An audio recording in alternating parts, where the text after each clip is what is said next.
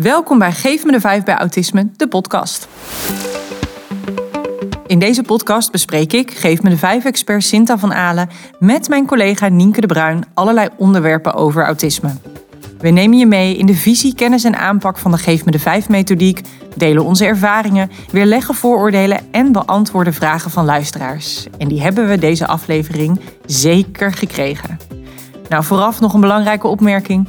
Autisme uitzicht bij de ene persoon totaal anders dan bij de ander. En wij kunnen in deze podcast niet alles op maat maken. Dus nuanceer vooral wat we zeggen en gebruik dat wat bij jou past. Welkom bij aflevering 16. Een aflevering die, nou, denk ik nu vooraanstaande aan de aflevering bomvol gaat zitten.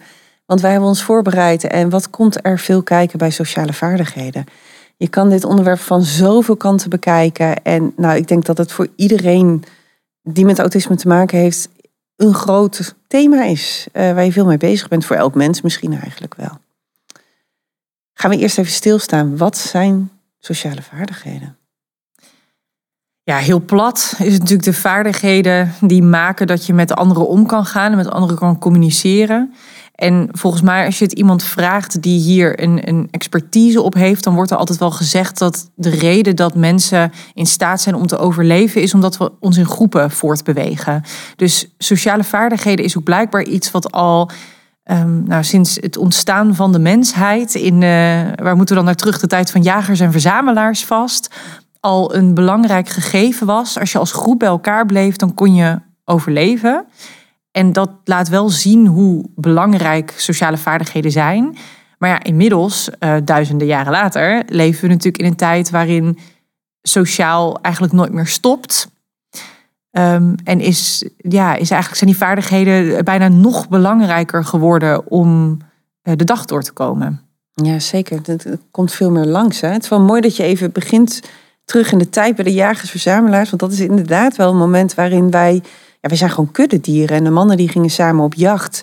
En de vrouwen die bleven thuis met de kinderen en de andere vrouwen. En nou ja, buiten de groep vallen was iets wat. Ja, dat, dat was levensgevaarlijk. Ja, gewoon. letterlijk. Ja. Dus dat wou je niet. Dus de vrouwen hebben zich ook leren ja, manoeuvreren in zo'n groep. En die hebben daarin heel erg ook een ander brein echt wel ontwikkeld. Een andere manier van uh, informatie verwerken om sociaal uh, zich zo goed te ontwikkelen.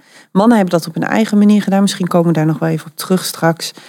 Um, maar inderdaad, in deze tijd zou je zeggen, je kan je heel goed in deze maatschappij ook wel veel alleen bewegen.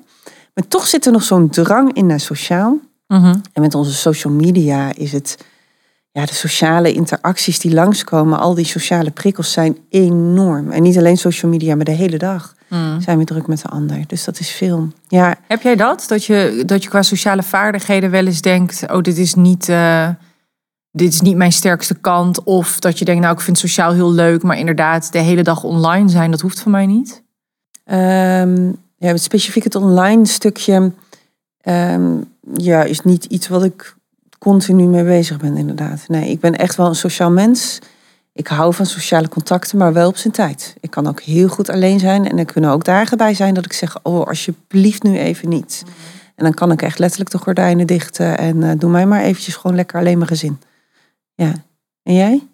Eh, ja, voor mij hetzelfde. Ik vind het ook fijn om s'avonds uh, eerst nog even eigen tijd te hebben nadat de dag erop zit. Uh, wat gelukkig mijn man ook heeft. Dus dat matcht heel lekker. Maar ik vind vooral altijd wel, ik vind vooral het sociale in groepen vrouwen heb ik altijd heel ingewikkeld gevonden. Mhm. En ik denk dat daar ook best wel overlap zit met het sociale stukje bij vrouwen met autisme. Um, ja, dus er is hier gewoon echt een verschil in man-vrouw in. En ik vind groepen vrouwen, vriendinnengroepen vrouwen, nou, dat vind ik al mijn hele leven heel ingewikkeld. Mhm. Wat daar allemaal gebeurt en wat daarvoor nodig is om erbij te blijven. Of de emoties daarmee, die daarmee gepaard gaan ook. Dat, uh, ja. Ja. ja, ik denk voor velen heel herkenbaar. En um, ja, misschien toch, kan je eens een voorbeeld ervan noemen? Um, nou ja, wat, waar vrouwen natuurlijk van nature de neiging toe hebben. Ik heb dat ooit al tijdens mijn opleiding uh, tot orthopedagoog al geleerd. En dat is me altijd bijgebleven dat vrouwen de neiging hebben om informatie te herkauwen onderling. Dat werd ook echt dan in wetenschappelijke artikelen echt als herkauwen omschreven. Wat ik echt een briljant woord vond. Um, want wat, wat vrouwen dan dus van nature willen doen, is dat als er iets niet, niet goed gaat in hun leven, of als ze zich ergens niet fijn bij voelen, dan gaan ze daar met heel veel mensen over praten. En nou ja, er wordt natuurlijk altijd gezegd, hè, over je problemen praten is goed. Um, want dan, dan kun je het naar buiten laten. Maar dan kun je dus bij vrouwen krijgen dat het fenomeen van herkauwen ontstaat en dat ze het dus te vaak gaan bespreken, waardoor een probleem of een gevoel ook groter wordt dan dat het eigenlijk was. En dat wordt ook best wel gelinkt aan veel problemen binnen angst en stemming. Um, die je vaker ook ziet bij vrouwen dan bij mannen. Daar zit echt een linkje met dat herkauwen, maar te veel. Nou, dat vind ik dus ook in die vrouwengroepen soms wel heel erg ingewikkeld. Uh, hoeveel er wordt, over problemen wordt gepraat, maar er wordt ook verwacht dat je daar op de goede manier op reageert, empathisch op reageert, behulpzaam, maar ook weer niet te, te behulpzaam dat, dat je gaat benoemen wat iemand moet doen. Of nou, er zijn zoveel ongeschreven regels. Ja, dat klopt. Ja. En die, die nuances erin zijn ook zo groot. Hè? Het, het, het, is, um, en dat zeg ik verkeerd, eigenlijk het zit zo in de, de, details of je iets aangesloten doet op de ander of niet. En als we dan nog eens even gaan kijken naar wat is dat dan eigenlijk sociale vaardigheden? Het zijn de vaardigheden die je hebt, de tools die je hebt om te communiceren met een ander. Ja. En het gaat dan eigenlijk om twee dingen. Het gaat om assertief zijn en om sensitief zijn. En het assertieve is dus uh, jezelf in de groep kunnen neerzetten, kunnen uitspreken, je grenzen kunnen bewaken uh, en kunnen staan voor wat jij bent en wat jij, de, jouw plek in die groep. Mm. Dat is het assertieve stukje. En het sensitieve stukje is het aanvoelen, inzien, indenken in wat er andere beleeft, wat de ander vindt en daarop op de juiste manier reageren. Ja, en als je de media mag gelopen, geloven uh, de films en de series, dan kunnen mensen met autisme dat laatste dus niet. Nee, zoals gezegd. ja, als we komen met een vooroordeel, mensen met autisme zijn niet sociaal. Punt. Dat is een vooroordeel. Ja, maar dan dus vooral op dat sensitieve stukje. Ja, zeker. Ja, ja. ja. en ook wel op dat. Ja, in de praktijk is, zitten de problemen ook wel op dat assertieve stukje. Uh, maar is het zeker niet dat mensen met autisme dat niet kunnen. Wel dat het anders gaat. En daar gaan we het straks over hebben. Ja, zeker gaan we het daarover hebben. Um, misschien goed om eerst eens te gaan kijken naar een stukje visie. Wat betreft dit stuk. Want ja, jij zei al eventjes in de intro, we hebben genoeg reacties gehad. Echt super fijn hoeveel input we hebben gekregen van luisteraars. En eentje die binnenkwam, maar waarvan ik dacht, ja, helemaal mee eens, heel mooi dat dit genoemd wordt, is dat uh, Jasper Wachterveld die zei: het belangrijkste bij sociale vaardigheden, bij autisme, is dat NT'ers, zegt hij, dus neurotypische mensen bedoelt hij daarmee, die hun ideaal op as gaan plakken, op assers gaan plakken. Dat gaat niet werken. Ja, en Jasper is, eh, voor wie hem niet kent, is ervaringsdeskundige. Um, Dus die praat niet zomaar iets. Ja, ik, ik las dat en ik, ik zei meteen tegen jou net, zei ik, oh, daar ben ik het mee eens. Ja. Kan je die eens toelichten? Um, nou ben ik natuurlijk geen ervaringsdeskundige, dus ik uh, um, zeg dit als NT'er, zoals u dat zo mooi zegt, als iemand met een neurotypisch brein. Maar wat ik heel vaak zie gebeuren in mijn omgeving, bij mensen die bij mij ook cursus volgen, is dat de vraagstukken die ze stellen, die, die vragen, die gaan niet uit van wat, um, wat ze graag zouden willen voor hun kind of partner of cliënt of leerling met autisme, maar die gaat uit van hun eigen normen en waarden. Bijvoorbeeld, Um, ja, mijn kind heeft maar twee vrienden en ik, uh, ik wil dat hij meer vrienden krijgt. Of mijn, um, mijn partner die uh, zit iedere avond na werk alleen maar thuis op de bank. En um, ik vind dat hij, of ik zou zo graag willen, hè, want het is natuurlijk altijd vanuit liefde. Ik zou zo graag willen dat hij ook nog wat kan doen in de avond. Dat hij er nog op uitgaat, dat hij nog aan, aan nou ja, dat hij bijvoorbeeld gaat sporten, maar dat doet hij alleen maar in het weekend. Ja, en om aan te vullen, we kregen een vraag. Hè? Ik zou graag willen dat onze zoon, als die binnenkomt, goedemorgen zegt oh, ergens. Ja. Maar hij ziet de motivatie niet. Of een andere nog, um, moet ik mijn dochter zeggen, als een vriendinnetje jarig is, stuur even een berichtje. Ja, ja. En en voor iedere individuele situatie kun je natuurlijk bedenken of dat, dat wel of niet heel erg belangrijk is. En, en dat kiezen we altijd op basis van onze eigen normen en waarden. Maar waar ik het mee eens ben met Jasper is, hij zegt. Uh, mensen die hun ideaal op mensen met autisme plakken. Zij hebben dus zelf bedacht, in een ideale wereld heeft mijn kind of mijn uh, cliënt heeft uh, acht vrienden. hij heeft er maar twee. Dus dat is niet goed genoeg. Dus ik wil graag een aanpak hoe die meer vrienden kan krijgen. Alleen wie zegt dat die, het kind of die persoon met autisme niet ontzettend gelukkig is dat hij maar twee vrienden heeft? Ja, wat is maar? Dat hij denkt, het zijn de twee beste vrienden uh, ooit. Daar kan ik alles mee doen wat ik zou willen in een vriendschap. Want ook dat verschilt per persoon, wat je er precies mee wil. En ik wil er helemaal niet meer. Ik ben hier ontzettend gelukkig mee. Ja, en wie zijn wij dan als, wie ben ik dan, laat ik bij mezelf houden, als uh, neurotypisch persoon. Wie ben ik dan om te bepalen dat jij meer dan twee vrienden moet hebben? Of wie ben ik dan om te bepalen um, um, ja, of je wel of niet iedereen die je kent feliciteert op hun verjaardag of dat je het laat? Uh Ja. Ja, en dat kan te maken hebben met het problemen hebben met dubbele empathie. En nou struikel ik bijna over de woorden, maar wat ik bedoel daarmee, wat dat is, is dat je eigenlijk als jouw neurotype, de manier waarop jij denkt, totaal anders is. Of de manier waarop jij in de wereld zit, hoe jouw leefwereld is, totaal anders is dan de persoon tegenover je. Dan is empathie hebben, dan is je inleven in die ander echt heel erg lastig. En nou is het zo in onze maatschappij dat neurotypische mensen gewoon de grootste groep zijn. Ja, dus dat zijn, zijn de meerderheid. Die, ja, dus die hebben de leefregels en al die ontelbare ongeschreven sociale regels bedacht. En de atypische groep, dat is een kleinere groep. Als je het hebt over de groep mensen met autisme, is veel kleiner. Mhm. Maar als die onderling communiceren, kunnen die zelf samen hele leuke gesprekken hebben. En misschien zeggen ze, ja, hey, die leefregels voor jullie, het is niet misschien, dat zeggen ze. Waarom zou je elkaar feliciteren op een verjaardag? Maakt ons er niet uit, we hebben het leuk samen. We hebben andere dingen samen. En dat is denk ik het grote verschil. Dat is denk ik, eh, mag dat ook? Ja. Mag jij ook zeggen, ik doe dat niet? Ik zeg even geen hoor. En is het ook oké als je, iemand dat niet doet? Ja, dat double empathy problem is echt een super interessante theorie die, ehm, waar ik me echt nog meer over wil inlezen ook. Over wat er allemaal al is in onderzocht. En uh, wat ik, waar ik in ieder geval helemaal wel achter kan staan, is dat ik me gewoon goed kan voorstellen dat als je het vanuit die kant bekijkt, dan, ja, weet je, wie, wie heeft eigenlijk besloten Ehm, dat dit de manier is waarop het moet gaan en mag het ook anders zijn.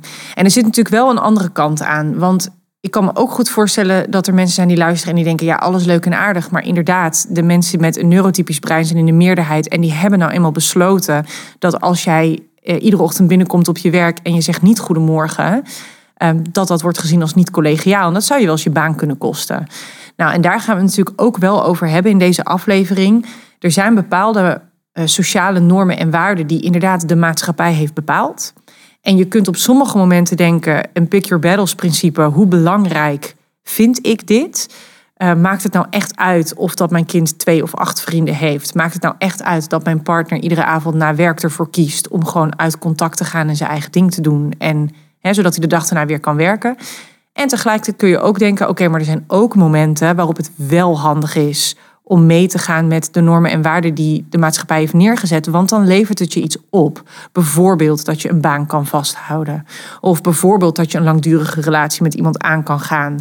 En als dat wel dingen zijn die je wil, ja, dan is het dus wel ook handig om je te kunnen conformeren aan de normen en waarden die we hebben. Ongeacht of je er wel of niet achter staat. Dus ik denk, dat het, ik denk dat het goed is dat we nu die visie bespreken. Omdat als wij dadelijk naar onze aanpak gaan, dan kan het misschien lijken alsof wij willen dat mensen met autisme zich maar aanpassen. En dat is dus niet zo. Wat wij wel weten, is dat er ook genoeg mensen met autisme zijn die dat op heel veel vlakken wel willen, zodat ze bepaalde doelen kunnen bereiken. Ja, klopt. En als je het over kinderen hebt, dan is het ook nog eens zo dat Ehm, als de ontwikkeling van sociale vaardigheden, zoals dat bij kinderen met autisme gebeurt, niet vanzelf gaat, ja. dan hebben wij het wel aan te bieden op een bepaalde manier. Want anders hebben ze ook nooit de kans gehad om het te leren. Nee, precies. En dat is wel de reden dat je het wel gaat aanbieden. En dat je wel gaat zeggen: oké, dit is hoe het er in de wereld gaat. En zo en zo kan je dat doen. Want dan kan iemand ook echt gewoon meedraaien in de maatschappij zoals hij is. En dan kun je altijd zelf nog de keuze maken of dat je daar wel of niet op die manier mee wil doen. Maar inderdaad, dan heb je de keuze. Klopt. Want je weet wel hoe het werkt en je weet dus ook wat je zou kunnen doen om, nou misschien niet dan voor 100% op de exact geaccepteerde manier, maar genoeg om om die baan te kunnen vasthouden, om die relatie te kunnen opbouwen. Lekker bewust op je eigen manier, omdat jij op die manier dat wil doen. Maar dan heb je de keuze kunnen maken op de basiskennis van: oké, dit is hoe de maatschappij het standaard doet en ik doe het lekker anders. Nou, prima. Ja, en wat je ziet qua gedrag, hè, om, om daar eens langzamerhand naartoe te gaan. Want jij noemde net al die ontwikkeling, die, die gaat anders. Vaak bij kinderen met autisme. En dat kun je dan op latere leeftijd nog zien. Nou ja, wat zie je dan precies? Want ik zei al, in, in media, vooral in, in televisie, in, uh, in films, in series, krijg je echt het, vooroordeel, het stereotype van iemand die gewoon sociaal volledig onaangepast is, die zich totaal niet kan inleven, die, uh, um, ja, die gewoon ongepaste opmerkingen maakt, zoals wat heb jij een lelijke trui? Of um, um, uh, waarom, hè, waarom heb je rood haar, het staat je niet? Nou, dat is wat je dan een beetje ziet. En dat kan. Je kunt inderdaad de ongepaste opmerkingen zien en krijgen. Dat kan. Maar het is natuurlijk veel breder dan dat wat je kunt zien. Je kunt hebben dat mensen um, het moeilijk vinden om zich in te leven in, in gevoelens of pijn van een ander. En daar dus misschien te snel of helemaal aan voorbij gaan. Um, je kunt ook zien dat mensen vooral vanuit hun eigen behoeftes keuzes maken. Dus bijvoorbeeld een prioritering leggen op basis van wat ze zelf willen. Je kunt zien dat samenwerken of samen spelen heel lastig gaat. Dat mensen liever hun eigen takenpakket of hun eigen opdracht hebben omdat het samen doen heel lastig is. Want wie doet dan wat en waarom moet ik iets overleggen als ik zelf al weet hè, waar ik naartoe ga en wat de bedoeling is. Maar wat je ook kan zien is dat je juist aan de buitenkant niet zo heel veel ziet. En dan komen we weer een beetje terug op die meisjes en vrouwen. Dat je aan de buitenkant eigenlijk helemaal niet ziet dat iemand daar moeite mee heeft. Maar dat het iemand van binnen bakken met energie kost om maar mee te draaien in die maatschappij. Mm Dat klopt. Dus er is veel wat speelt. Je noemt ontzettend veel voorbeelden. En ik zou er nog heel wat bij kunnen noemen. Want ik moest ook gelijk denken aan het maken van nieuwe vrienden. Het meedoen in een gesprek. Als je ergens aan komt lopen en is al een gesprek gaande, hoe voeg je je in? Ja. Je mag, dat mag niet te uh, uh, actief zijn. Je mag niet middelpunt gaan staan en over iets anders beginnen. Ja, maar, dat kan dus wel gebeuren. Ja, ja, maar erbij gaan staan en niks zeggen kan het ook zijn dat je de, de buiten blijft bij het gesprek. Dus op welk moment pak jij dan dat gesprek op? Kan je erin springen? En ben je daar dan snel genoeg voor? Want als jij uh, autisme hebt, kan het zijn dat je het nog veel langer over moet nadenken. En dan denk je, oh ja, dit wil ik zeggen. En dan zijn ze weer bij volgend onderwerp. Ja. En het over koetjes en kalfjes praten. Oh, die had ik nog niet eens genoemd. Over het social weer, talken. social talken. Kletsen om het kletsen. Ja, en over dingen ja. die niet nuttig zijn. Ja. Dus dat kan ook zo lastig zijn. Dat kan ook zo... En voor mensen die dat van nature heel goed kunnen... is dat echt niet te begrijpen. Want hè, dat is zo'n natuurlijke manier van doen. Maar ik ben meer mensen tegengekomen die dat lastig vinden... dan voor wie het natuurlijk is, moet ik zeggen.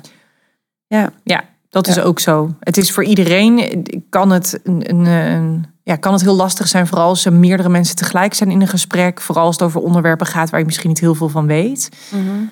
Um, ja, en tegelijkertijd hoor ik gewoon van mensen met autisme dat als het wel lukt, dat de energie die het ze kost uh, niet vergelijkbaar is met mensen zonder autisme. Um, echt wel verhalen van mensen die bijvoorbeeld aangeven. Nou, ik heb een hele leuke uh, vriendinnengroep. Maar als ik daar op zaterdag mee afgesproken heb, dan weet ik gewoon dat de rest van het weekend moet leeg.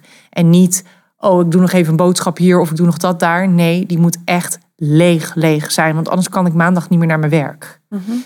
Um, en dan wordt er een keuze gemaakt, heb ik dat ervoor over of niet? Ja. Maar ja. Eigenlijk kan ik een tweedeling maken in het gedrag wat je ziet bij sociaal zijn, sociale vaardigheden.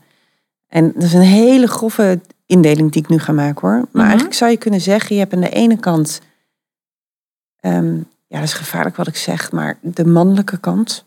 Hè, het, het, waarop autisme ooit gestart is. De vreemde, vaak jongen of man, Ja. eh, die sociaal onhandig is, lomp is, ehm, eerlijk is, zegt waar het op staat, maar zich niet inhoudt. En nou ja, eh, sociaal ook, eh, nou ja, het is geen man die thuis komt met een bloemetje voor zijn vrouw, omdat hij zoveel van de houdt.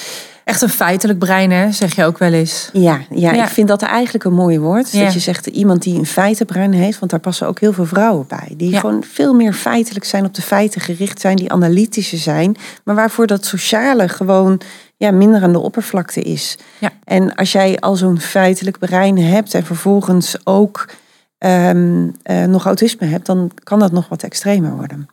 En aan de andere kant heb je eigenlijk het wat meer sociale brein, waar dus veel vrouwen bij zitten. En eigenlijk wat ik nu aan het doen ben, is dat ik al aan het verklappen ben wat er straks in ons nieuwste boek komt. Dus mensen, eh, we lopen al iets vooruit. de oplettende luisteraar die... Uh... Ik weet niet wat Colette en Fabienne van vinden, maar goed jongens. het is heel relevant voor dit onderwerp, dus je ontkomt er gewoon niet aan. Nee, dus ik, uh, ik denk dat het vast mag. dat sociale brein. Ja, dat sociale brein, wat vaker vrouwen zijn, dan ben je al meer in ontwikkeld. Je bent al meer in sociaal ontwikkeld. Maar als jij autisme hebt en een sociaal brein, dan kan het zijn dat je er dus wel heel veel moeite mee hebt maar wel veel meer mee oefent, waardoor je op een gegeven moment de buitenwereld het niet eens meer ziet. En dan krijg je dus inderdaad dat jij ja, bomvol zit van die sociale interactie.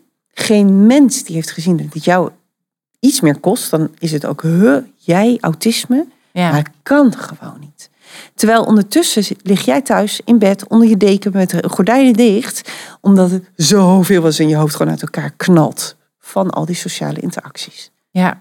Ja, of je krijgt er, raakt er volledig van in paniek dat als je ergens van thuis komt, dat je in één keer gaat afvragen: hè, ehm, heb ik wel het goede gedaan? Heb ik wel op het goede gereageerd? Heb ik niet te veel gepraat? Heb ik niet te weinig gepraat? Heb ik niet. Uh, en dat je daar zo erg over gaat piekeren, dat je daar gewoon volledig ja, van in de stress schiet. Dat kan natuurlijk ook. Ja, klopt. Ja. ja, en om dan eerst nog eens even stil te staan bij die feitelijke kant. Mm dat sociaal onhandige dat is dus eigenlijk uh, een, mooi voorbeeld daarvan zit in de lezingtour die we nu aan het doen zijn, Autocommunicatie verbindt. Daarin zit een filmpje van Jesse.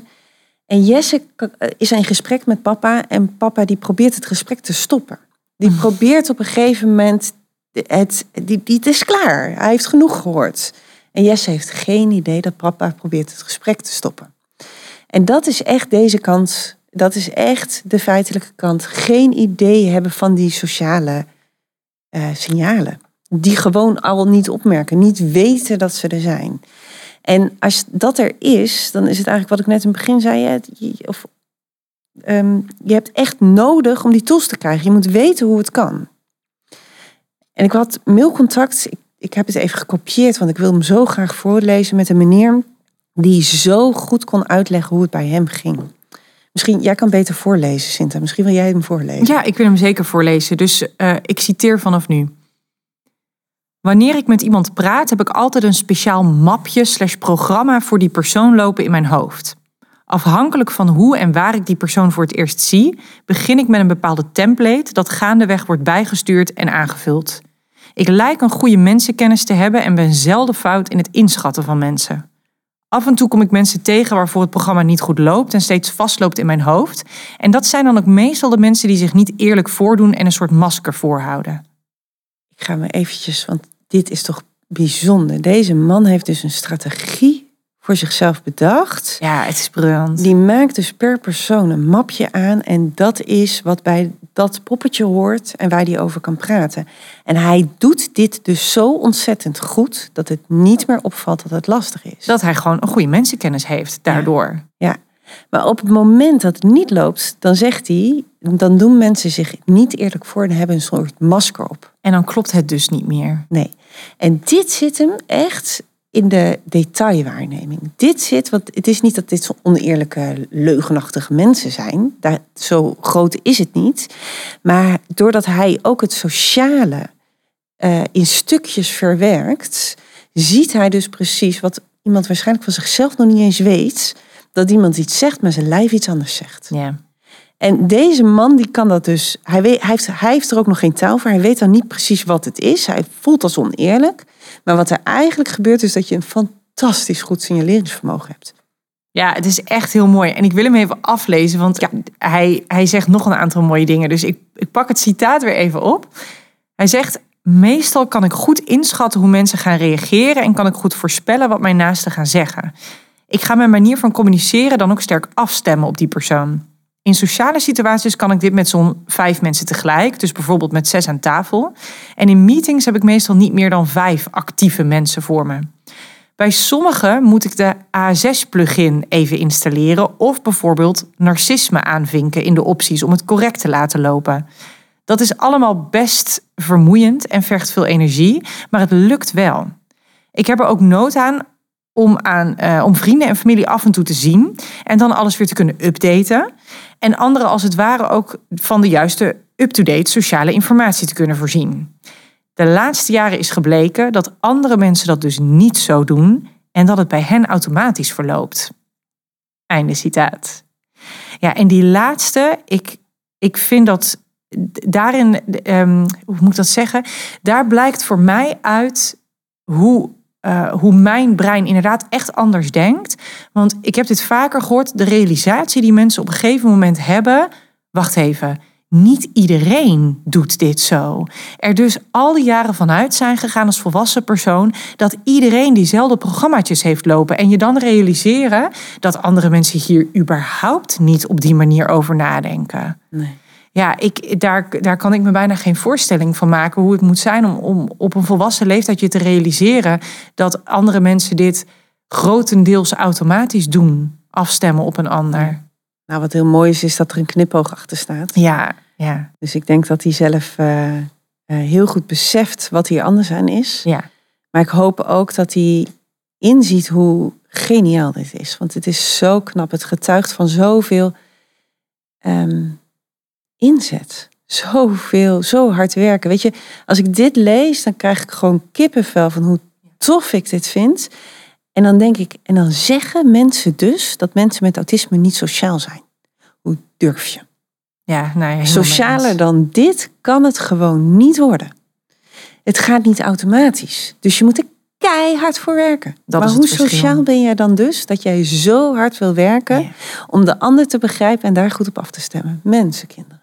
En dan kreeg ik toevallig eergisteren nog tijdens een lezing of na afloop van een lezing de vraag: ehm, gaan mensen met autisme het dan ooit op inlevingsvermogen doen? Of blijven ze het doen op basis van, nou bijvoorbeeld het programmaatje wat in hun hoofd loopt? Ja, en daarvan weet ik ik heb dat aan heel veel mensen met autisme gevraagd. Uh, en ik ken ook genoeg mensen met autisme om te zien hoe zij dat toepassen.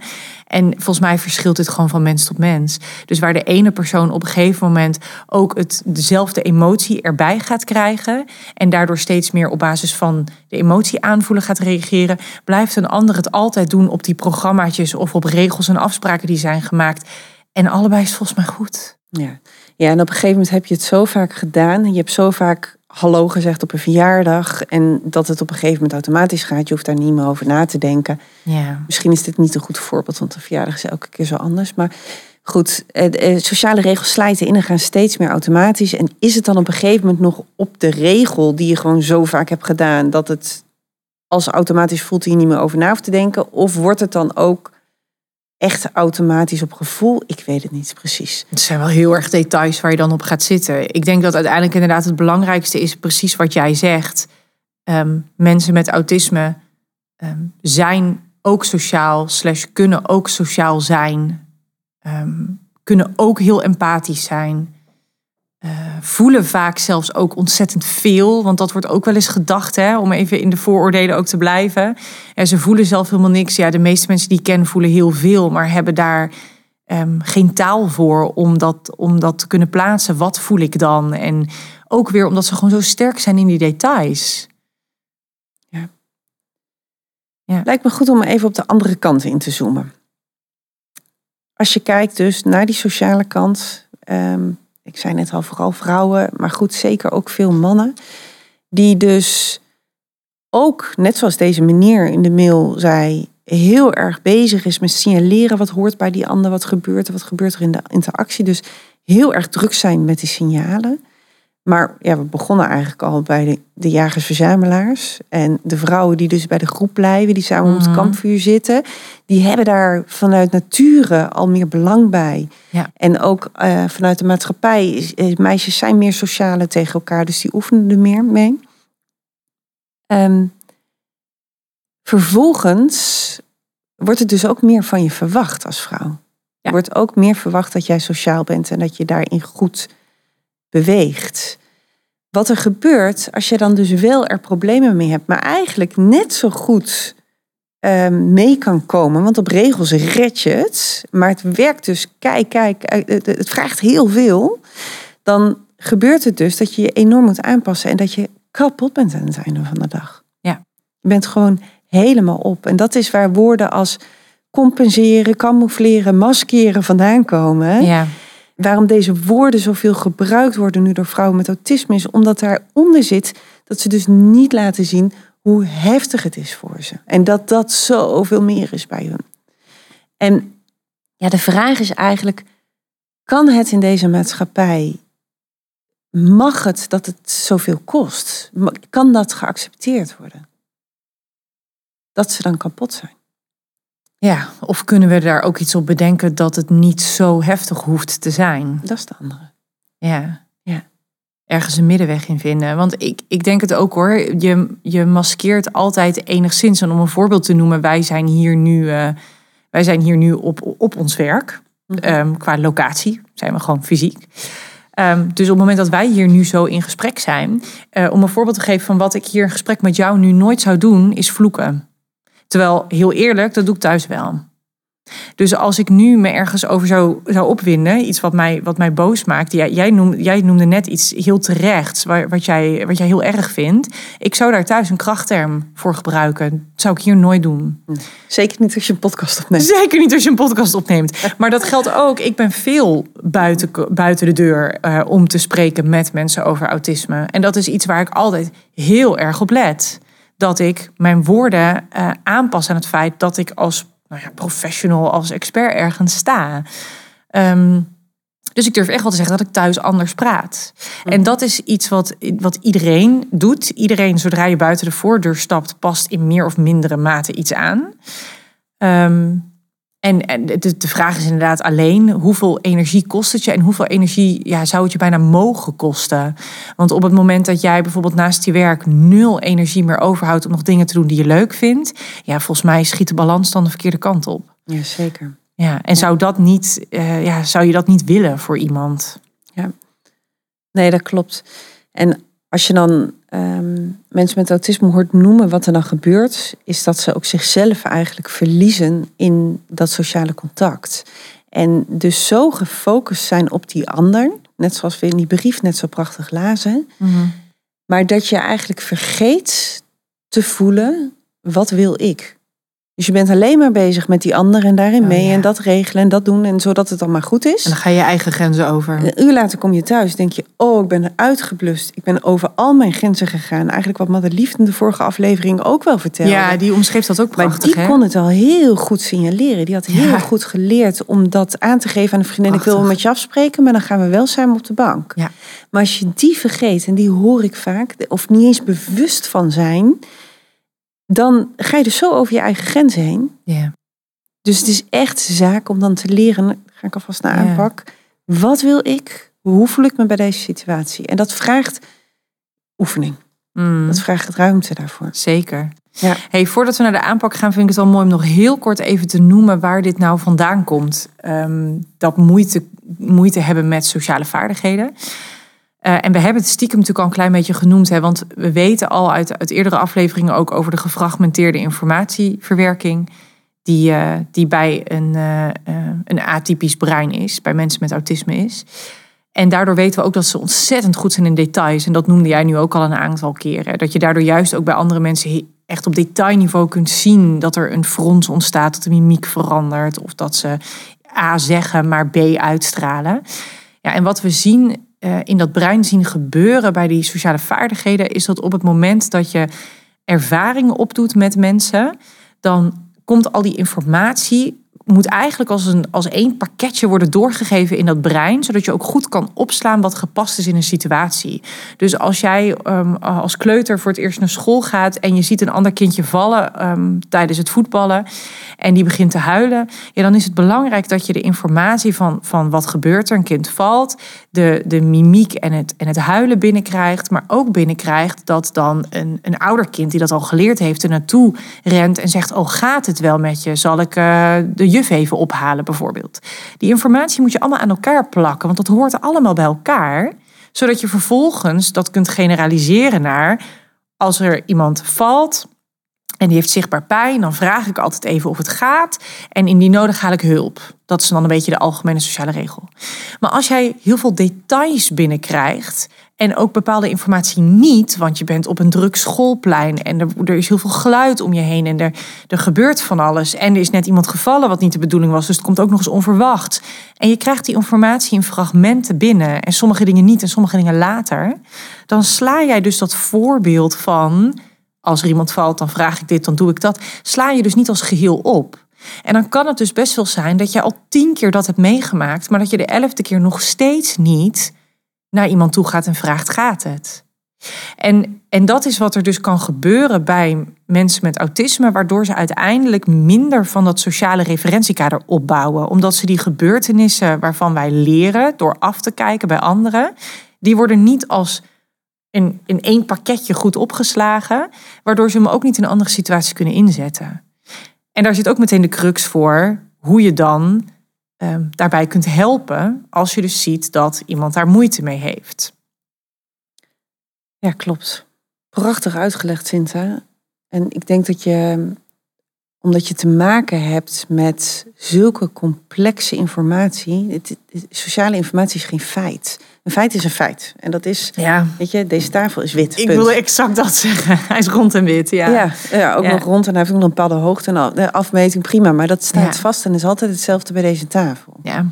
En sociale informatie bestaat uit zoveel lagen. Eh, ik, ik kan iets aan jou zien en dan zie ik iets aan je en ik zie dat er een detail anders is. En dat kan me direct opvallen, maar het kan heel veel dingen betekenen. Ja. En die betekenis kan ik achterhalen doordat ik jou ken, doordat ik jou weet wat er speelt in je leven, doordat ik het hier en nu de situatie analyseer. Ik kan, en als je al die dingen samenpakt, dan kan ik uiteindelijk zeggen: oké, dit is het. Mhm. Ja. ja, en weet je, qua aanpak, heel kort door de bocht, bij een, een kind waarvan je wil dat hij leert dat hij naar iemand toe loopt als hij is gevallen, maken we een als-dan-regel. En het liefst me er altijd ervoor, want dan kun je hem vaker inzetten. Altijd als je ziet dat er iemand valt, dan loop je er naartoe en dan vraag je: gaat het? En als iemand zegt ja, nou dan help je iemand overeind. En als iemand zegt nee, dan vraag je: zal ik even iemand erbij halen? Of je gaat gewoon iemand erbij halen om te helpen, bijvoorbeeld. dus we maken als dan regels. Als dit gebeurt, dan zeg je dit. Als dat gebeurt, dan doe je dat. Als je een feestje hebt, dan trek je altijd even schone kleren aan. Als er iemand jarig is, dan zeg je altijd even gefeliciteerd. En om het voorbeeld van de goedemorgen te benoemen, als je ergens binnenkomt in de ochtend, dan zeg je altijd even goedemorgen. En dit doen we natuurlijk op basis van onze eigen normen en waarden. En daarin, nou hebben we het dus in onze visie dus straks al genoemd, daarin kun je keuzes maken. En wat vind je echt belangrijk? Ehm, en, en waarvan kun je ook denken, nou ja, jij doet het op een andere manier ook goed. Daar kun je keuzes in maken. Maar dit is eigenlijk wat we in de regel doen als dan. En als je er dan altijd voor zet, dan kan iemand het ook nog eens generaliseren naar andere momenten. Zodat het niet alleen maar is buiten op dat ene schoolplein, maar bij voorkeur ook uh, als er op andere momenten iemand nou ja, hulp nodig heeft, bijvoorbeeld. Ja, klopt. Ja, ik denk dat het wel belangrijk is om mee te geven dat je sociale vaardigheden niet aanleert in één keer. Nee. Um, ook een open deur. Maar waarom ik dit zeg is, er, staan, er bestaan heel veel sociale vaardigheidsgroepjes. Ja, SOVA-cursussen. SOVA-cursus, SOVA-training. Fantastisch hoor, hartstikke mooi. Tegelijkertijd uh, zijn er een paar dingen, als je dat doet, als je daar gebruik van maakt, waar je wel op moet letten, die echt belangrijk zijn. En de ene is waar je al over hebt, het generaliseren. Eigenlijk is het zo dat je sociale vaardigheden leer je niet in een groepje, in een kringetje, in een bepaald pand, op een bepaald tijdstip sociale vaardigheden leer je door die hele dag in je hele leven.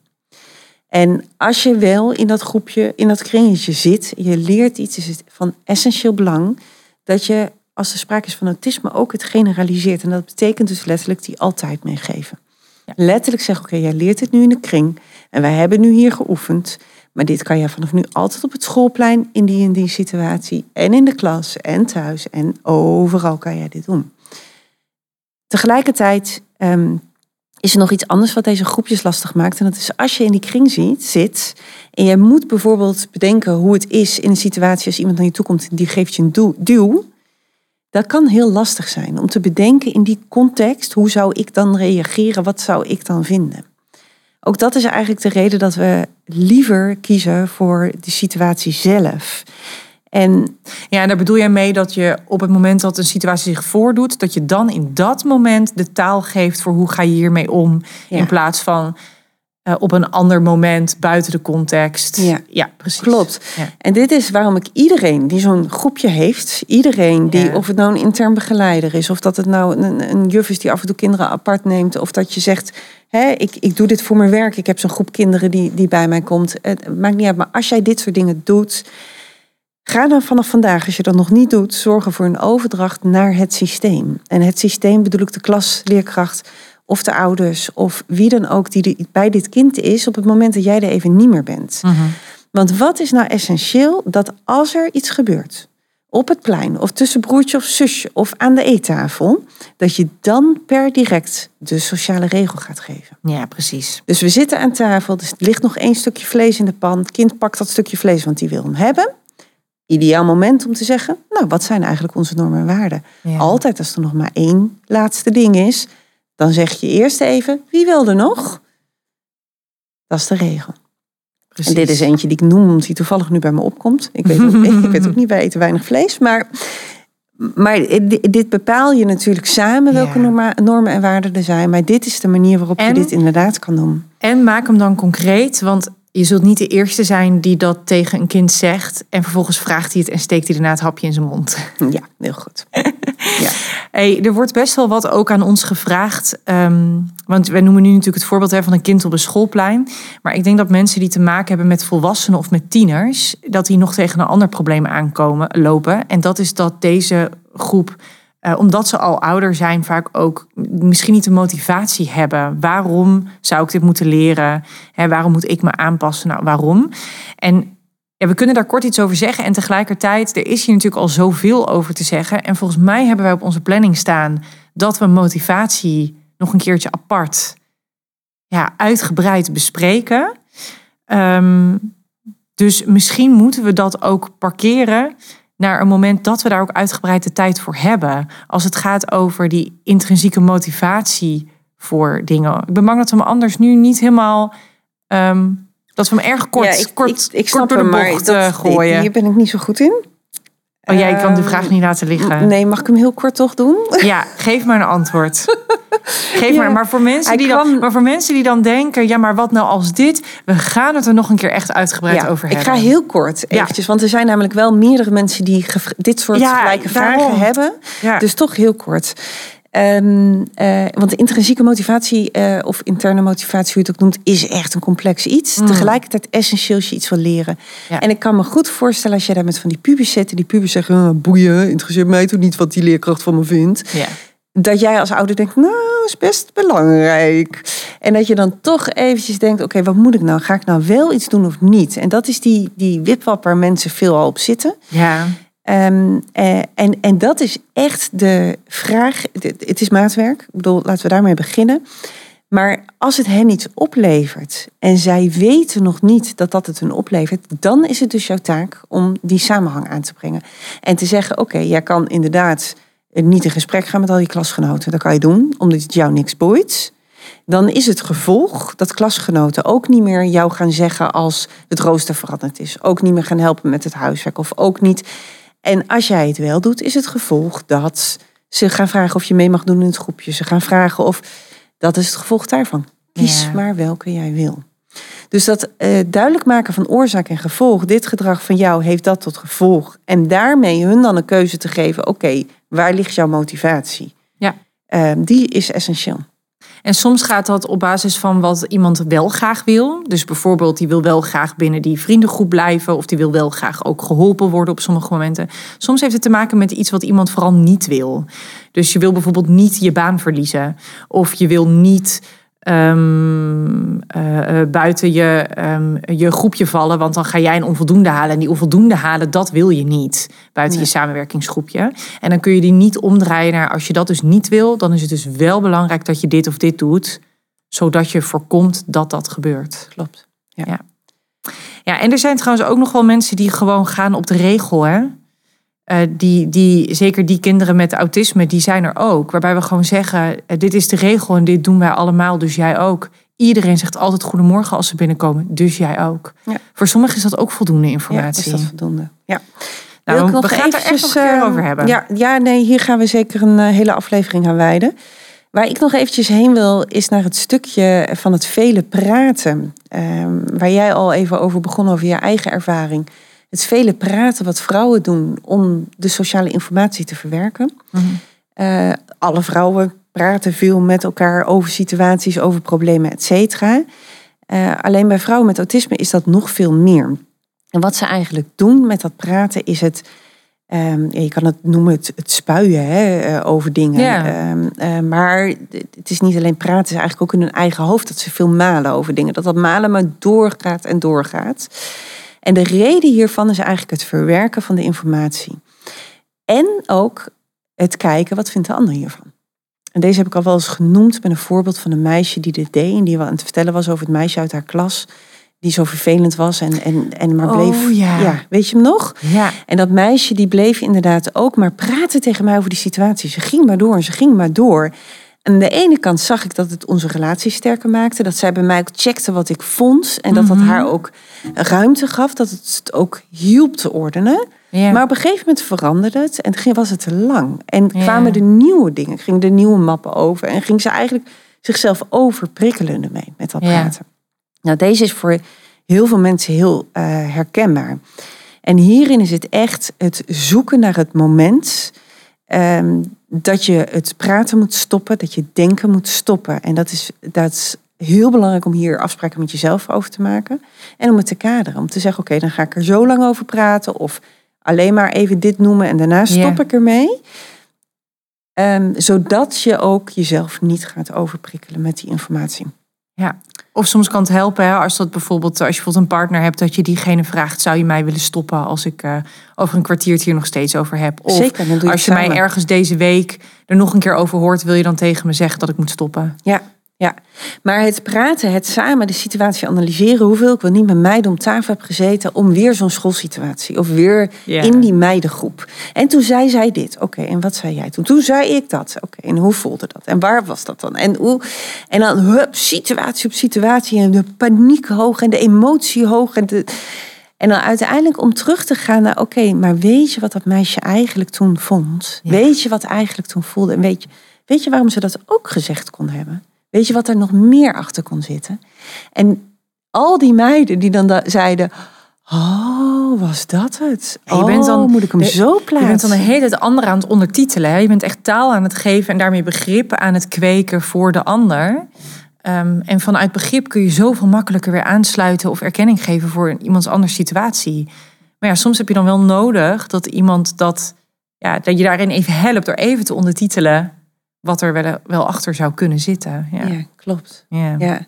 En dan vind ik het lastig dat ik dan laatst hoor. Um, er was een meisje die zei: Mijn vriendin wordt zo gepest op school. En het was over en nu begint het weer. En ze signaleerde wat dingetjes. En ze zegt: Maar ik ben al naar de leerkracht gegaan hoor. Mm. En het is vierde klas middelbare school. Dus het, is, het zijn best wel grote, grote meiden. Ja. En die leerkracht, uh, de mentor, uh, de reactie is dan ja, heel simpel: negeer het Oh ja, ja. Maar dat gaat hem niet worden. Oh, maar hoeveel volwassenen die dat nog steeds zeggen? En dat is niet genoeg. Want het moment dat pesten begint, weet je dat het komt omdat degene die gepest wordt ook anders reageert op dingen. En die heeft dus te leren hoe kan ik reageren, hoe kan ik passend reageren. En negeren is niet, ja. dat is niet menselijk, dat is niet passend, dat is nooit de oplossing. De oplossing is om te gaan kijken, oké, wat gebeurt er dan precies? Ja. En wat kan jij wel zeggen om je grens aan te geven? Ja. Uh, om, om, het, om het te stoppen, om ook in contact te gaan met de ander. Want de ander zegt alleen maar: hey, jij reageert anders. Waarom reageer je anders? Waarom doe je anders? Waarom doe je niet mee? Dat is wat ja, en vanuit die pester om dus ook weer te leren, te leren begrijpen waarom een ander anders reageert. Ja. Ja, en, dat je daar dus niet... zij zelf pesten, hè? Ja, Want er zit ook een onzekerheid onder. En dat je daar niet tegenaan hoeft te schoppen, maar dat je ook gewoon kan denken: oh ja, maar dat is ja. Hè, dat is die, die reageert anders en dat hoort bij die persoon. Ja. ja, je hebt echt vanuit, je hebt dan echt voor mijn gevoel, maar dan spreek ik natuurlijk ook als, als nou, oud leerkracht zijnde, dat je daarin echt voor beide kanten um, uh, uitleg te geven hebt. Ja. Aan beide partijen om wederzijds begrip te krijgen en. Uh, ja. Ja. lieve leerkrachten, jullie zijn zo belangrijk hierin. En alsjeblieft, doe het niet af met negeer het maar. Maar leer hoe je dit kan begeleiden. En neem daar even de tijd voor, want ehm, ditzelfde meisje zegt op het moment dat haar vriendin er niet is, ik ga niet meer naar school. Punt. Ik ga vandaag niet naar school, mijn vriendin is er niet. Want ze zijn met z'n tweeën en meer hebben ze niet. Nee, dus dat, zijn de consequenties zijn zo groot. Dat kan toch niet? Ja. Nou goed, daar moeten we het ook nog maar weer eens een keer over hebben op een later moment. Belangrijk is dus taal geven, situatie analyseren, sociale regels geven. Als dit, dan gebeurt dat. Ja. Vergeet het niet te generaliseren. Zeker. Als je hoofd doormaalt, relativeer ook. Maak het minder voor jezelf. Plaats het in het goede perspectief. Heel veel termen achter elkaar. Maar goed, we zijn er allemaal al dieper op ingegaan. Ja, precies. Ja. ja. Zullen we naar een paar uh, luisteraarsvragen Ja, want uh, ik noemde het al in de intro. Hè, die hebben we echt uh, veel gekregen. We hebben natuurlijk niet voor niks ook al een aantal dingen die we binnen hebben gekregen al besproken. Maar er zijn ook, ook nog wat vragen die nog niet ja, langs zijn gekomen. Ja, klopt. En normaal behandelen we natuurlijk maar één luisteraarsvraag. En omdat dit, ja, deze topic zo ontzettend veel vragen langs zijn gekomen, hebben we er gewoon een paar uitgekozen. Ja. het wordt een iets langere aflevering daarmee. Nou, ja. dat is dan wat het is. Ik uh, pik er even eentje uit die ik heel leuk vind, omdat ik mezelf erin herken. Uh, namelijk, uh, um, er wordt een vraag gesteld over een dochter die op het schoolplein heel bazig overkomt. En er staat achter, um, dat is ze niet. Ze wil het juist graag iedereen naar de zin maken en houdt daar op haar manier zoveel mogelijk rekening mee. Ehm, dus ja, ik zie het gewoon helemaal voor me. Iedereen een, een positie geven in een spel, wetende, ja, jij wil altijd graag dit en jij wil altijd graag dat. Dus dan doe jij dat en dan doe jij dit. En dan, ja, ik, ik denk, ik zie, lees dit en ik denk, oh, dat is een leidinggevende in de dop. Fantastisch. dat je dus kunt inschatten, wat wil iedereen? Nou, weet je, dan maak ik daar een heel plan op. En dan, en dan verdeel ik die rollen en dan is iedereen happy.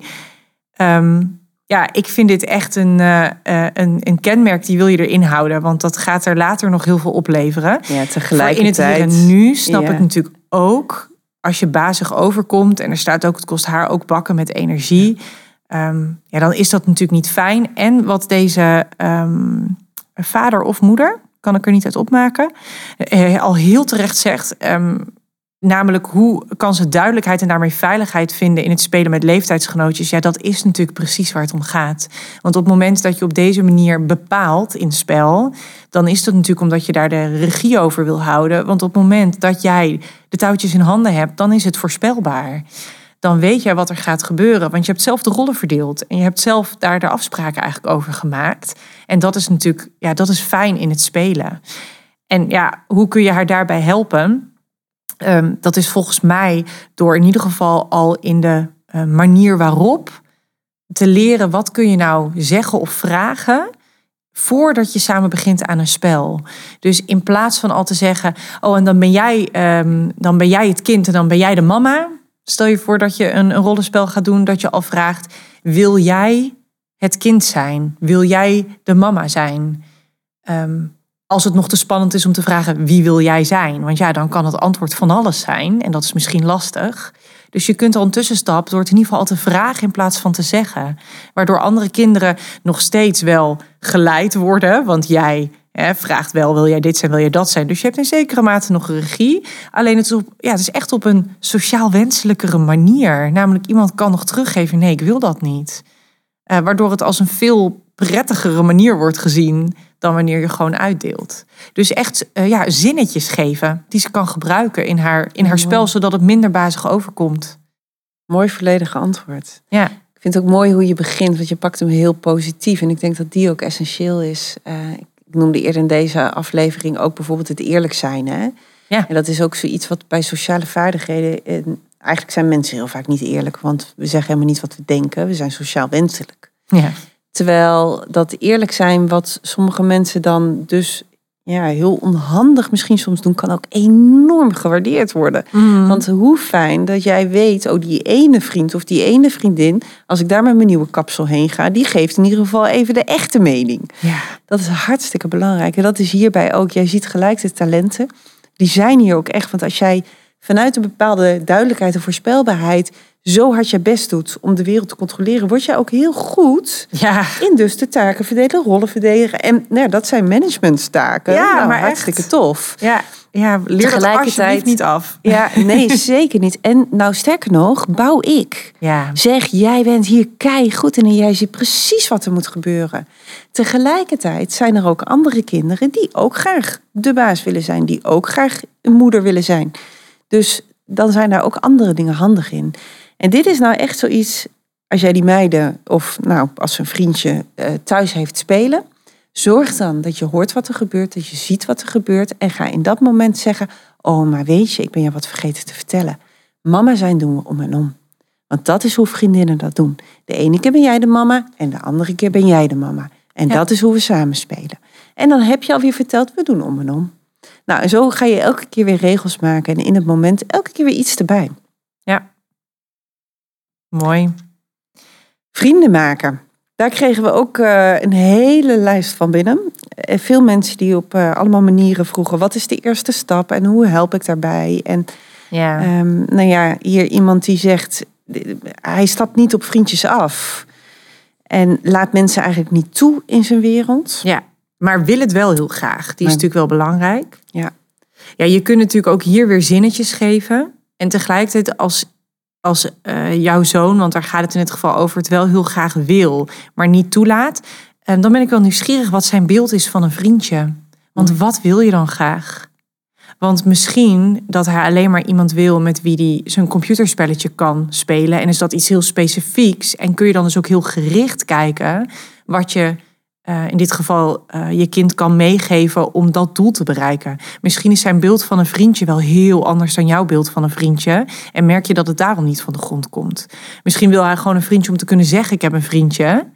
Maar wil hij er eigenlijk niet daadwerkelijk iets mee doen of afspreken?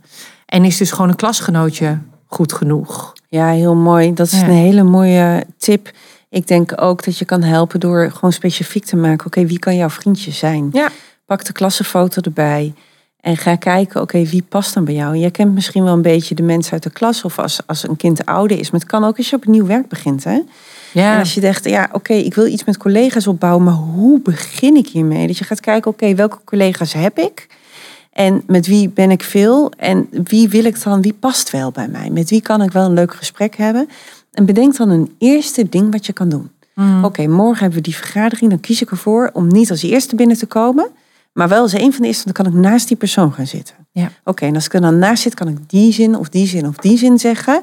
Om in een gesprek te komen. Nou, door dat Ja. soort dingen van tevoren te bedenken, help je een start te maken. En als, dan, als je dan eenmaal de goede uitkiest, dan lukt de rest ook wel beter. ja, je illustreert wel meteen ook weer heel mooi waarom dit dus zoveel energie kost. Ja, ja, ja. Waar we het Ja. al vaker over hebben gehad. Ja, zeker. De- Dat is wel iets wat erbij komt. Maar daarom is het dus ook zo belangrijk om te kijken waar zit de motivatie.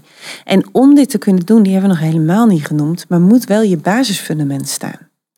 En Anders heb je hier helemaal geen ruimte Nee, voor in je hoofd. nee, je moet Nee. ruimte hebben als, je, als jij net nieuw binnenkomt op je werk. En het is echt een groot ding om daar te wennen. Dan Mhm. laat dit dan nog even achterwege.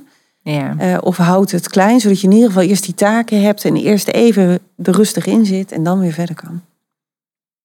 Dan hadden we nog een eh, meerdere vragen die gaan over boosheid tegenhouden. Ja, klopt. Over hoe je eh, daarbij kunt helpen leren beheersen. Ehm, Mag ik er eentje voorlezen? Ja?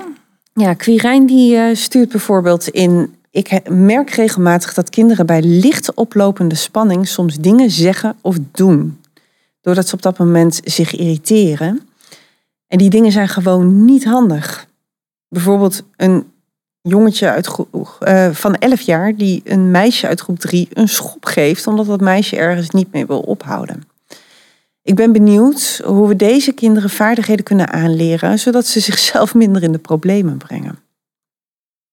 En ook die andere twee gaan over. ehm, ja, die, die vragen eigenlijk hetzelfde. Hè? Ja. Ergens uitgedaagd worden en dat niet kunnen negeren. ehm, waardoor Ja. uiteindelijk het, de, de situatie escaleert. Ehm, Ja, klopt, dat zegt Sylvia. En Joyce die vraagt ook inderdaad, hoe kan je kinderen dan begeleiden bij het beheersen van boosheid? Want het wordt ook uit de tent gelokt. Ja. Ja, je vraagt iets heel lastig, hè? want je vraagt een, een, een executieve functie van emotieregulatie. En dat is iets okay, waar. Legt hij uit. Executieve functie van de emotieregulatie. Ja, je, je vraagt om, om emoties binnen te houden die heel groot gevoeld worden. En ja, kijk maar eens om je heen. Er zijn heel veel volwassenen die dat nog niet goed. Ja, maar je begint dus eigenlijk bij, dus de emoties worden bij hen heel groot gevoeld. En die zie je heel vaak van 0 naar 10. Het gaat van, nou, van 0 naar 100. Ja, van 0 naar 100. Voelt, voor, voelt het voor de buitenwereld. Ja. En, en wat we dan heel graag willen is, is dat ze zich dat bij zich houden. Um, omdat een situatie daardoor kan escaleren of alleen maar erger wordt natuurlijk. Um, maar ja, je moet echt terug naar het begin. Want, want ja, dat willen we. Maar je moet terug naar het begin. Oké, okay, wat jij dus signaleert mm. is van 0 naar 100. Dus daar is al iets in te doen. Ja, alleen voordat je daar naartoe gaat, wil ik eerst heel even benoemen hoeveel je eigenlijk vraagt. Van zo'n kind. Want je vraagt om een, een, um, uh, je vraagt om een eigenschap die, die voor, voor de meeste volwassenen nog moeilijk is. Mm -hmm. En dat vraag je van, nou ja, een, een, een, kind. In dit geval is een voorbeeld van een jongen van 11. Bij de andere twee worden geen leeftijden genoemd, maar bij alle drie wordt kind genoemd. Um, dus ik wil eerst echt wel heel even benoemen hoeveel je. Um, ja, je wil echt heel veel dan. En dat wil niet zeggen dat je, dat je daarin niet van alles kan en kan aanleren. Ja, maar het is wel zo. Je zegt, je, je, je klopt. Je hebt helemaal gelijk. Maar we praten ook ik, over kinderen. ja, je hebt gelijk. en ik ontvang je eerst even. Je hebt helemaal gelijk. Je vraagt ontzettend veel. Ja. Dit is echt heel veel. Tegelijkertijd noem jij uh, wat sommige volwassenen nog niet kunnen. Ja, klopt. Dat is zeker zo. Heel veel volwassenen die dat heel moeilijk vinden. Tegelijkertijd wordt van jou als volwassene wel verwacht dat je het kan. Sterker nog, als jij als puber in de klas of op je bijbaantje gaat ontploffen, uh, of een klant uh, tegen zijn schenen schopt, dan word jij echt wel ontslagen. Ja, nee, zeker dus weten. het wordt, de maatschappij vraagt van je dat je het doet. Ja, punt. Klopt. Dus je hebt het te leren. Nee, maar dat is, zeker, dat is zeker ook waar. Alleen de lat wordt, wordt soms een beetje hoog gelegd.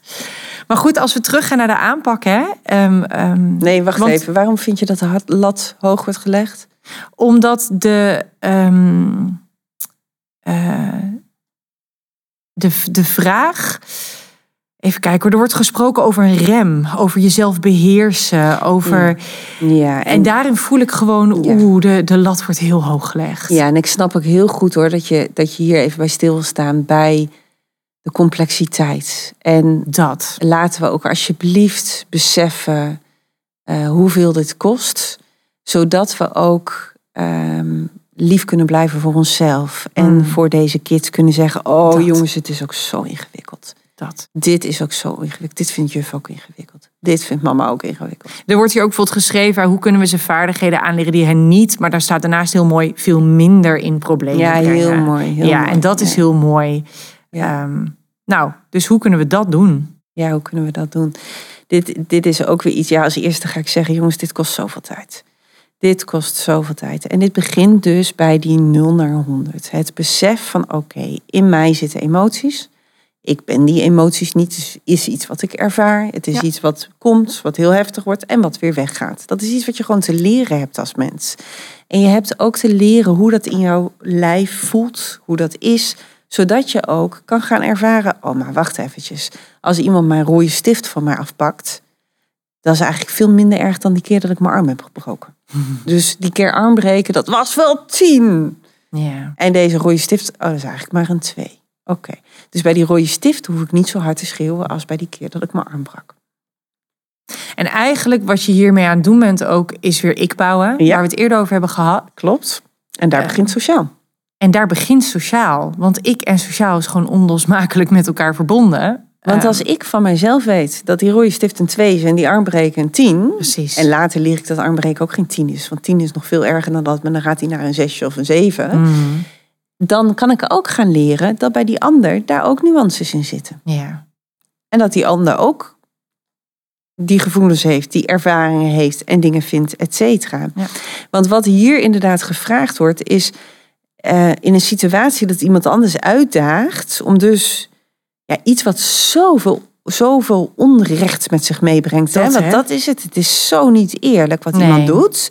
En hij mag dat wel. En dan moet ik gaan zeggen: Oh ja, ik, ik moet maar mijn schouders ophalen. En het negeren en weglopen. Terwijl mijn natuurlijke reactie is: Doe niet zo oneerlijk. Bam, hier heb je een vuist in je gezicht. Want dat is, is gelijk te op. Dus één is kunnen plaatsen in het perspectief. Hoe ernstig is dit? Herkennen. Herkennen wat er gebeurt. Herkennen wat er in mijn lijf gebeurt, wat er met mij gebeurt. En vervolgens is het weten, oké, welke keuzes heb ik? Ja. En negeren is niks. Nee, en dat is ook een beetje het punt, hè? Want wij zeggen altijd benoemde wat wel. En negeren is niet een wel. Negeren is gewoon een niet. Negeren is een mooi woord voor niks doen. Nee. En dat Ja. is een niet. Dus wat kun je wel doen? Ja, en eigenlijk vind ik dat je een kinderen, een kind met lege handen zet, een volwassene net zozeer, op het moment dat je zegt negeer maar. Ja. Eigenlijk vind ik namelijk dat je een zin moet krijgen, dat je iets moet kunnen doen. Dus je moet kunnen zeggen, doe even normaal. Of ja, dit vind ik echt zo kinderachtig. Ja. Als jij zo'n zin meegeeft met iets wat wel kan en vervolgens zegt, dan haal je je schouders op. Of dan zucht je een keer diep. Of, dus je geeft iets met het lichaam, een beweging, Ja. een houding, een handeling, een, die ze kunnen doen voor zichzelf. Dat ze ook weten, ach ja, het is zo. Om te relativeren, om het te Mm. reguleren. En vervolgens loop je Ja. weg en ga jij dat of dat of dat doen. En dan moet je een taakje geven. Dus als je bij de glijbaan ruzie krijgt in het zwembad, dan doe je dit en dan vervolgens ga jij naar een ander zwembad zwemmen. Ja. En dan maak je hem concreet en dan geef je hem wel. Precies. Ja. En eventueel kun je hem visualiseren. Ja, fantastisch. Alsjeblieft, doe dat. Ja. Maak deze regel eh, duidelijk. En weet dus inderdaad dat je dit heel vaak doet voordat je ehm, daarin echt een groot effect ziet. Want jij zei al heel terecht, dit kost heel veel tijd. Dit kost zeker veel tijd, ja. En, je, en, je, en de sleutel zit in die wel. Wij zijn zo makkelijk om te zeggen, ach ja, nee, maar dat ligt bij hun. Laat maar lekker bij hun. Zij moeten dat nog leren. Plekke niks mee doen. Prachtige zinnen, maar dan vergeet je die wel. Ja, Dan vergeet je, wat moet je dan wel doen? je vergeet echt de actie. Ja. Ja, zeker. Nou, volgens mij hebben we hier echt een hele hoop over gezegd nu. Zeker weten. Ja. Ja, dat klopt. Hebben we nog iets niet gezegd of zijn we daar? Volgens mij hebben we alles wel gehad. Ik denk dat alles eh, wat nog gezegd moet worden, daar worden we vast op gewezen. En dan maken we daar weer ruimte voor in de volgende aflevering. Ja, klopt. Ja. Ook voor de volgende aflevering over vier weken mag je weer vragen insturen. Die aflevering gaat over openstaande mappen. Eh, en openstaande mappen is eh, alles in je hoofd waar je nog over aan het malen bent wat onduidelijk is. Herken je dat? Heb je daar wel eens problemen mee? Weet je soms niet hoe je een mapje kan sluiten? Stel je vraag, want eh, we proberen alles te verwerken in de aflevering. Ja. En we zullen niet zoals vandaag alles ook echt langs laten komen, maar we proberen wel te bundelen. Eh, en eh, in ieder geval qua informatie alle informatie te geven. Wil je echt alle ins en outs leren, dan adviseer ik je echt de cursus te gaan volgen. Onze basiscursus Geef me de vijf. Daarin krijg je echt alle ins en outs leren over sociale vaardigheden. En leer je ook alle onze communicatievaardigheden die daarbij komen kijken. Ja. Dat is echt de plekken waarop een trainer van ons jou leert om alles op maat te maken. Voor nu was dit hem. Yes. Bedankt voor het luisteren naar Geef me de Vijf bij Autisme, de podcast. Als je je nou abonneert, dan word je op de hoogte gebracht zodra er een nieuwe podcast online komt. Vergeet niet om een reactie op deze aflevering achter te laten. En dat kan daar waar je deze aflevering hebt beluisterd, maar ook op onze social media. Als je nou meer wil leren over onze methodiek, kijk dan even op onze website www.geefmede5.nl voor onze boeken, maar ook het scholingsaanbod zoals de cursus die Nienke net al even noemde. Heb je vragen of opmerkingen over deze aflevering? Stuur die naar podcast.geefmede5.nl. En dat is Geef me de 5 met het cijfer 5.